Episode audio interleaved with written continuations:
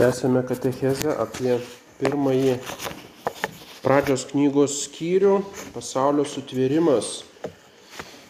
Ir štai dabar prasideda diena penktoji, kada yra kuriami gyvūnai, pirmieji, pirmosios gyvos būtybės. Ir čia prasideda tokia įdomi tema, galima sakyti, gyvūnų teologija arba šventojo rašto biologija. E, būtent pradžios knygoje tas skirtumas arba rimtas šuolis prasideda su gyvūnais. Pagal mūsų supratimą didžiausia revoliucija yra tarp negyvos gamtos arba mineralų ir augalų. Tačiau pagal e, būtent pradžios knygos skyrių ta pirmo didžiausia revoliucija yra tarp augalų ir gyvūnų.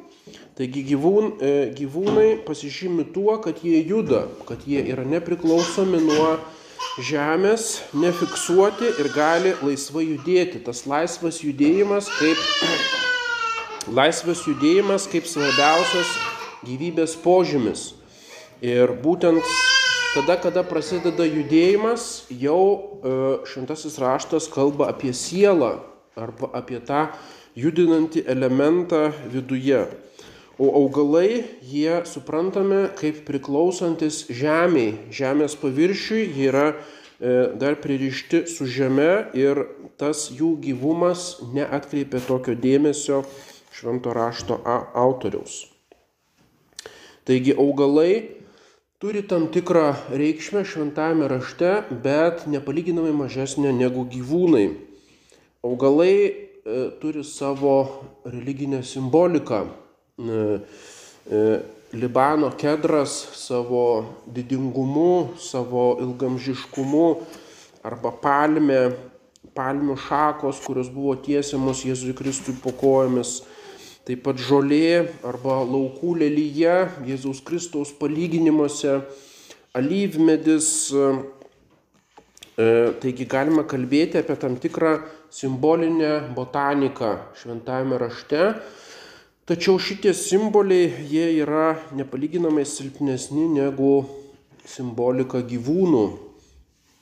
Gyvūnyje užima milžinišką vietą tiek Senajame, tiek Naujame testamente. Pats Jėzus Kristus yra lyginamas su liūtų, tai yra liūtas iš judo giminės, mm, kaip Senojo testamento pranašystės, sakoma apie Mesiją paskui jis yra Dievo avinėlis, reiškia visa ikonografija Jėzaus Kristaus kaip avinėlio. Toliau e, ta gyvatė, kuri buvo iškelta Mozės ant, e, ant lasdos kaip e, išgelbėjimo simbolis žydams, ji yra lyginama su nukryžiuotu Jėzumi Kristumi. Turime daug tokių, galima sakyti, zoologinių simbolių, Ir taip pat Dievas Sename testamente lyginamas su ereliu, lyginamas su višta, kuri rūpinasi savo viščiukais ir taip toliau. Ir taip pat e, gyvūnų supratimas, jų statuso supratimas šiek tiek skiriasi nuo mūsų įsivaizdavimo. Ir tai mus nekarta glumina, skaitant ypač Senąjį testamentą, kad atrodo, kad e, gyvūnai kažkaip tai sulyginami arba sugretinami su žmonėmis. Reiškia, nėra tokio griežto šuolio tarp žmogaus ir gyvūnų. Pagal dabartinį mūsų įsivaizdavimą gyvūnai yra absoliučiai skirtingi nuo žmogaus savo statusų. Gyvūnai nėra asmenys, gyvūnai neturi teisių, išskyrus tą naują visą vadinamąją gyvūnų teisių filosofiją, kuri jau yra visiškai kitokio pobūdžio. E, reiškia, yra radikalus šuolis tarp gyvūnų ir žmogaus. Gyvūnai yra kaip e, išteklius žmogui, yra darbo jėga, yra išteklius tam tikrų produktų ir jie traktuojami kaip daiktas, skirtingai nuo žmogaus asmens ir gyvūnai neįtraukiami į žmonių visuomenę. Ir štai Sename testamente atrodo šiek tiek kitaip. Pirmas dalykas, tai kaip mm, pradžios knygoje matysime antrajame skyriuje, Dievas veda gyvūnus pas žmogų kaip potencialius žmogaus bendradarbius arba žmogaus pagalbininkus ir paskui Adomas suteikia jiems vardus, e, tai yra ne atskiriems gyvūnų individams, bet jų rūšims, tai yra vardo suteikimas, tai yra tam tikras asmeniškumo lyg ženklas, tačiau jis neranda savo lygiaverčių partnerių tarp jų, negali būti visuomeninės bendruomenės tarp žmonių ir tų gyvūnų ir todėl yra sutveriama Jėva. Taigi jau matome gyvūnijos problematiką iš karto e, kaip e, esminis toksai elementas. O paskui matome, kaip Adomas ir Jėva, jie kontroliuoja tą visą gyvūniją rojuje, tai yra, jie yra kaip visos gyvūnijos tokie karaliai arba valdovai. Ir šitai atsispindi vėliau visose kitose vietose, ypač Nojaus istorija, Nojaus tvanas, kuris yra bausmė už žmonių nuodėmes, bet šito tvanu ištinkami ir gyvūnai. Ir išganimas, ta Nojaus arka kaip toks pirmasis išganimo simbolis bažnyčios, kaip išganimo bendruomenės simbolis, į šitą arką yra paimami ne tik tai žmonės, bet ir gyvūnai.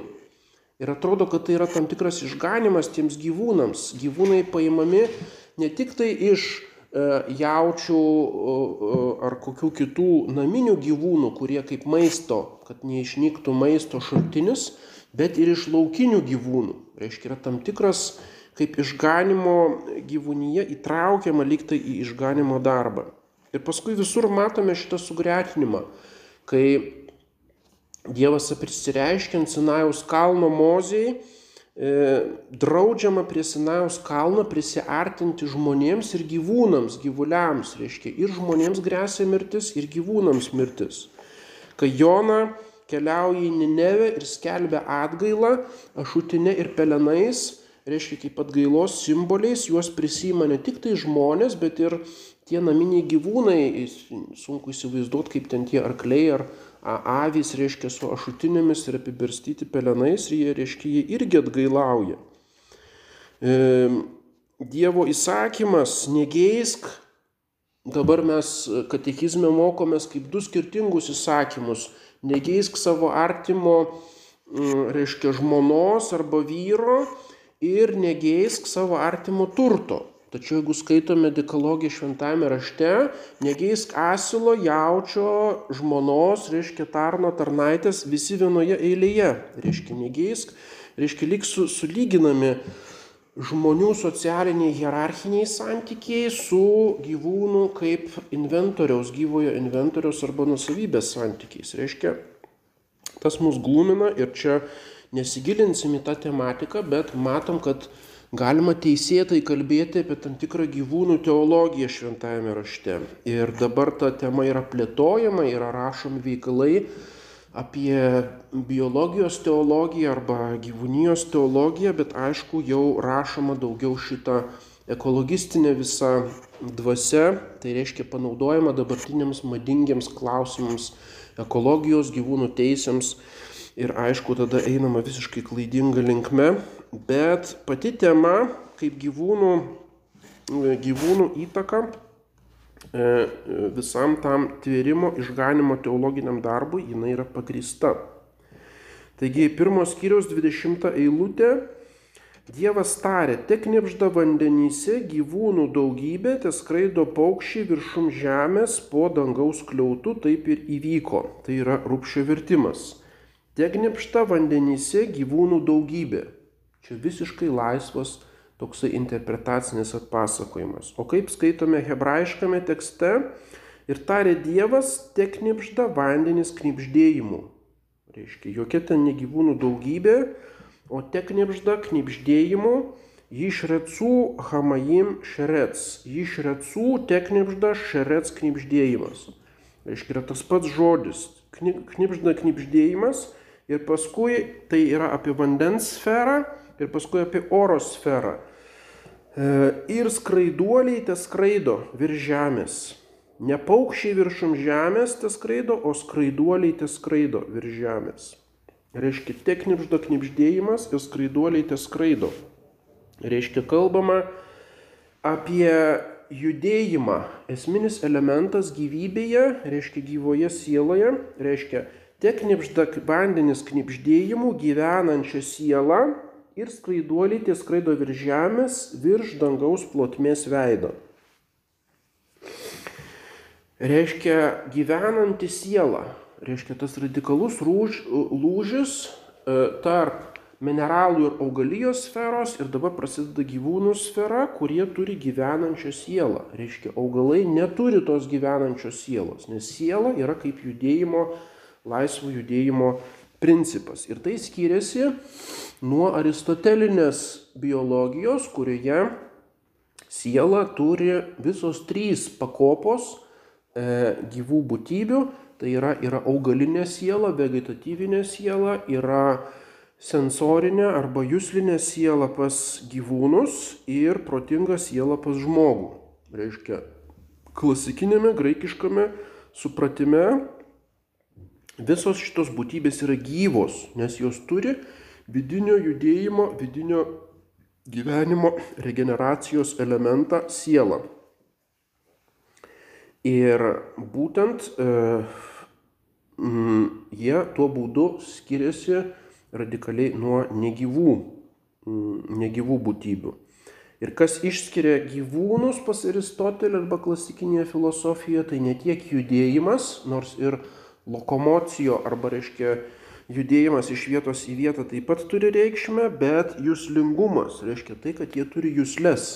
Reiškia, e, vegetatyvinė siela neturi jūslių, Paskui senso, sensityvinė siela jau turi jūslės, tai yra gyvūnai, o žmogus ne tik tai turi jūslės, bet gali reflektuoti apie tas jūslės. Reiškia, jis turi racionalų protą ir valią. Ir taip yra, reiškia, susidaro tokios trys pakopos. Pradžios knygoje matome irgi tris pakopas. Pirmoji tai yra ir negyvoji gamta, ir augalai. Antroji tai yra E, vandens gyvūnai, oro gyvūnai ir sausumos gyvūnai, tokios trys gyvūnų rūšis ir paskui trečia pakopa yra žmogus, kuris jau turi sielą įkvėptą tiesiogiai iš Dievo. Taigi irgi trys pakopos, bet skirtingai klasifikuojamos. Ir dabar, kas svarbiausia tam bibliniam autoriui, kuo skiriasi būtent vandens sferos gyvūnai ir oro sferos gyvūnai iš vienos pusės ir žemės gyvūnai iš kitos pusės. Tuo, kad vandens ir oro gyvūnai, jie yra lyg kolektyvinis dalykas, jų judėjimas yra toks kaip fizikoje ir chemijoje Brauno dalelių, reiškia toks chaotiškas judėjimas, jie tiesiog savo tuo chaotišku judėjimu pripildo visą tą erdvę. Jų yra daug jie yra neskaičiuojami individualiai, o yra tam tikras kiekis, kuris knipžda, reiškia, toje e, sferoje. O jau žemės gyvūnai yra kitaip, jau jie turi tam tikrą individualumą ir jie kiekvienas savo tam tikrą kryptimi pagal savo jūslės juda, galima taip įsivaizduoti. Taigi te knipžda vandenis knipždėjimu ir skraiduoliai te skraido. Ir čia būtent klasifikacija yra pagal sritis, E, taigi tas vandens knipždėjimas apima visus vandens gyvūnus, nuo visokiausių ten moliuskų aštuonkojų e, iki žuvų, didelių ir mažų, ir taip pat žinduolių, banginiai visokie, kurie plaukia vandenyje. Taigi neskiriama pagal dabartinę biologinę klasifikaciją, bet tiesiog visi e, vandens gyvūnai. Ir panašiai skraiduoliai, tai nėra paukščiai, kaip verčia rupšys, bet visa tai, kas skraido ore, tai yra ir vabžiai, ir paukščiai, ir e, šikšnosparniai, kurie yra žinduoliai ir taip toliau. Ir štai vandenis yra tie visi vandens gyvūnai, o skraiduoliai skraido virš dangaus plotmės veido. Tai yra įdomu hebrajiškam tekste. Pas rūpšį yra po dangaus kliautų. Mes kalbėjome, kad tai nėra skliautas, o tai yra kaip plotmė ir tas virš dangaus plotmės veido, tai nereiškia, kad jie skraido virš kažkur kosmose, virš atmosferos, bet tas e, virš, tai yra tiesiog žiūrint iš apačios, e, reiškia jie kaip e, virš žiūrint iš tos plotmės pusės. Mes žiūrime ir jie tiesiog kaip e, kitoje pusėje to e, regimojo dangaus plotmės skraido. Taigi to žodelio virš negalima interpretuoti kažkokią tai neteisingą ar mitologizuojančią prasme.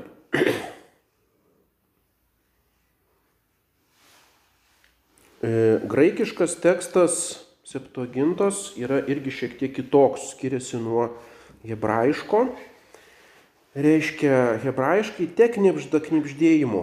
Tiesiog jie knipžda, bet neišaiškinama, iš kur jie atsirado. Ar jie iš vandens, ar Dievas specialiu aktu juos sutvėrė. O čia jau kalbama, te išveda eksagageto, reiškia graikiškai, vandenys, gyvos sielos roplius ir sparnuočius, skraidančius virš žemės padangaus tvirtumą. Matome, kad graikiškas tekstas labai smarkiai skiriasi nuo hebrajiško. Pirmiausia, vandenis tampa tokiu kaip aktualiu, aktyviu elementu, kuris išveda ir panašiai verčiama paskui vulgatoje produkant akvę. Reiškia, vanduo produkuoja tuos e, vandens gyvius, gyvos sielos roplius reiškia herpetą, erpetą, kurie ropoja. Jau reiškia ne šiaip savo knipždėjimas kaip abstrakti savoka, bet jau tam, tikrus, tam tikri ropliai. Ir būtent gyvenančia siela yra hebrajiškai, reiškia ta siela nefeš, nefeš siela yra tas žodis nefeš vartojamas ir sielai kaip gyvybės arba tam judėjimo principui ir pačiam gyvai būtybei. O štai graikiškame tekste yra psichon zoson. Reiškia gyvos sielos, gyva siela. Ir tą sielą jau turi tie ropliai. Ne pats tas knipždėjimas yra siela, kaip hebrajiškam tekste, bet jau tie ropliai turi tą gyvą sielą. Ir sparnuočius peteina. Reiškia, neskraiduoliai, kalbama ne apie skraidimą, o apie būtybės, kurios turi sparnus. Reiškia, kitas yra aspektas. Peteina petomena. Sparnuočiai, kurie plasnoja sparnais. Reiškia, virš žemės po dangaus tvirtumą. Reiškia, jau kalbama ne virš dangaus plotmės veido, bet po dangaus tvirtumą. Ir taip tapo. Reiškia, visiškai logika kiekvieno žodžio perkonstruota yra graikiškame tekste ir tai perėjo į lotynišką, lotynišką vulgatos tekstą. Taigi te išveda vandenis ir gyvos sielos ruplius ir sparnuočius. Reiškia, nebekalbama, kad jie vandenyse. Atrodo, kad iš vandenų yra ne tik tai vandens sferos gyvūnai, bet ir oro sferos gyvūnai. Tai jau čia labai mums primena modernę, reiškia, e, biologiją evoliucinę, kad, reiškia, ropliai atsirado iš žuvų, reiškia, išsivystė žuvis, kaip jiems išaugo tokios kojos, tada jie pradėjo ropoti ant žemės amfibijos varliagyviai, iš jų atsirado ropliai, o paskui dalis tų roplių virto tokiais dinozaurais, o maži dinozaurai tai yra paukščiai. Reiškia, atrodo, kad ir paukščiai, ir žuvis yra iš to paties vandens elemento. Hebrajiškame tekste e, vandenys knipžda savo knipždėjimu, o ore te skraido skraiduoliai. Tai yra visiškai skirtinga. Ir nekalbama, kad iš vandens atsirado žuvis, o iš oro atsirado paukščiai. Tai reiškia, nieko panašaus nėra. Taigi matome, ta graikiškas perkonstravimas, jisai įveda tokias keistas asociacijas, kad galima sakyti, kad biblinis autorius teigia apie vandenų tam tikrą aktyvę, aktyvę rolę, reiškia, tų gyvūnų atsiradime. Ir aišku, tas labai patinka evoliuciniai biologijai, kuris sako, kad visa gyvybė iš esmės yra vandenyje, vandens elementas ir tik tai paskutiniais ten milijonais metų, reiškia, išlipo iš vandens ta gyvybė reiškia tam tikras vandens reikšmė. Taigi viso šito, aišku, ne, nieko panašaus mes neskaitome originaliame tekste ir nėra reikalo to interpretuoti perdėtai. gyvenančią sielą, nefeš hajach. Hai yra gyvybė, gyvas. Hai, o nefeš yra siela. Ir štai čia būtent tuo, kad nefeš e, gali reikšti ir sielą, ir tą sielą turinti gyvūną, yra perdėta tokia modernistinė teorija, kad Senajame testamente ir hebrajiškame tekste neturime sielos kaip tam tikros e, gyvybinio prado savokos. Ir būtent šita kova prieš sielą tai yra tiesiog neįtikėtina jinai prasidėjo būtent nuo biblinių studijų ir tada sakoma, siela yra iš graikų filosofijos, tai yra ne biblinė savoka ir pradėta ją išnaikinti iš visų liturginių tekstų. Mes kalbam apie sielos išganimą, dabar modernistai kaip ugnies bijo šito, žmogus išganamas, ne siela išganama paskui visos gedulinės pamaldos, apiegynai, visur kruopščiai išnaikinama savoka siela, vėlė, ne už sielas melžiamės ir ne už vėlės, o už mirusiuosius ir taip toliau. Tai yra absoliučiai toks keistas, reiškia, perdėta, reiškia, kažkokia tai reakcija prieš sielos savoką, kuri iš visiškai tendencingo skaitimo e, Senojo testamento kyla. Bet siela tai nėra graikiška, e, tipiškai graikiška, jinai yra daugelyje, e, e, praktiškai visose kalbose ir senovinėje toje mitologinėje filosofijoje aiškiai matome sielą ir pas egiptiečius, ir pas babiloniečius, ir kitose, reiškia, tokiuose pasaulyje žiūrose. Tai visiškai nėra specifiškai graikiška, tai yra universali savoka, kad tiek gyvūnai, tiek žmogus turi tam tikrą gyvybinį pradą, tam tikrą sielą, kuri kontroliuoja, reiškia, judina mm, jo materialų kūną. Tik tai pas gyvūnus ta siela yra kaip e, forma, e, forma pačioj, pačiame gyvūne, o pas žmogų jau ta siela yra visiškai kitos prigimties, jinai yra dvasinė. Ir šitas sielos skirtingumas nuo kūno visiškai akivaizdus Sename testamente, ypač pa žmogų, kaip Dievas įkvėpia atskirai šitą sielą, jinai yra atskiras Dievo kūrinys kiekvienam žmogiškam individui. Ir bandyti neikti sielą, žinoma, kad yra tos dvi prasmes - yra sielos ir gyvos būtybės prasme. Bet tas visiškai tendencingas yra bandymas suvesti tik tai į antrąją kad esą nefeš reiškia tik tai gyvą būtybę kaip visumą, kurioje neskiriama siela ir nesiela ir kūnas. Tai yra klaidinga, klaidingas e, interpretavimas. Taigi šventasis Jeronimas, šventasis Augustinas, Kirilas, daug kitų autorių sako, ir žuvis, ir paukščiai yra išvesti iš vandens. Taip kaip augalai yra išvesti iš žemės, taip ir žuvis ir paukščiai išvesti iš vandens. Šventasis Tomas bando mm, subtiliau šitą, jisai sako, kad žuvis išvestos iš skysto vandens, o paukščiai iš subtilaus vandens, iš garų, kuris yra atmosferoje.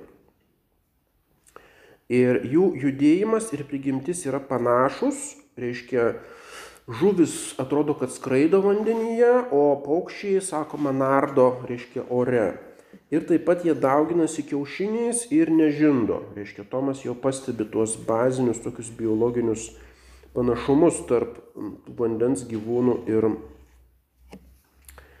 Žinoma, visos tie subtilumai, jie niekur neveda, tai yra tokios spekulacijos, kurios būtent remiasi tuo E, vulgatos tekstu, kuris kilęs iš graikiško teksto, kaip matėme, ir tai visiškai nepagrista kildinimas žuvų ir paukščių iš vandens.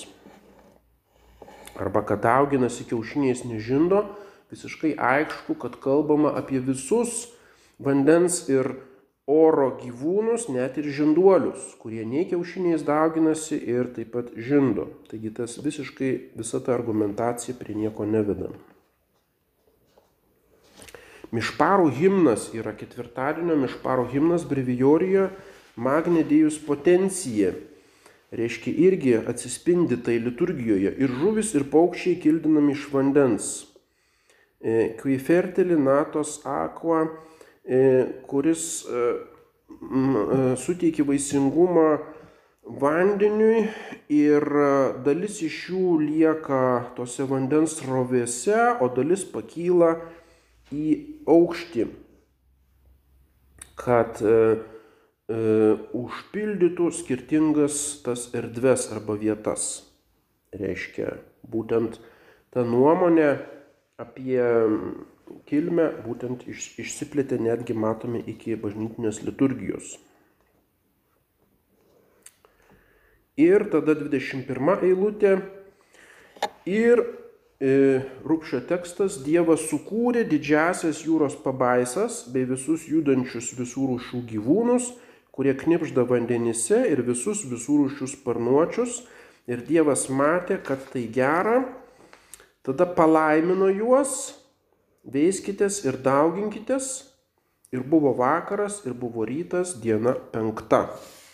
Taigi penktoji diena yra skirta šitiems gyvūnams oro ir vandens. Ir matoma, yra tam tikras laiminimas jiems ir tam tikras kreipimasis į juos, lyg jie suprastų ir pasiklausytų, aha, Dievas mums duoda kaip įsakymą. Reiškia, kaip įsakymo tasai mm, savoka lyg tai taikoma ne tik tai žmonėms, bet ir toms kitoms būtybėms. Tam tikra lyg antromorfizacija gyvūnų, bet tai visiškai ne, neturime iš to išvesti. Palaiminimas nebūtinai reiškia ant gamtinės malonės suteikimo, taip kaip palaiminimas žmogui. Ir tas kreipimasis ar įsakymas, tai nėra būtinai, kad jie turi klausytis ir savo protų suprasti ir vykdyti kaip moralinį įsakymą, bet tai yra tiesiog kaip gamtos dėsnio mm, paskelbimas. Taigi tos tokios antropomorfinės kalbos nereikia tiesiogiai suprasti.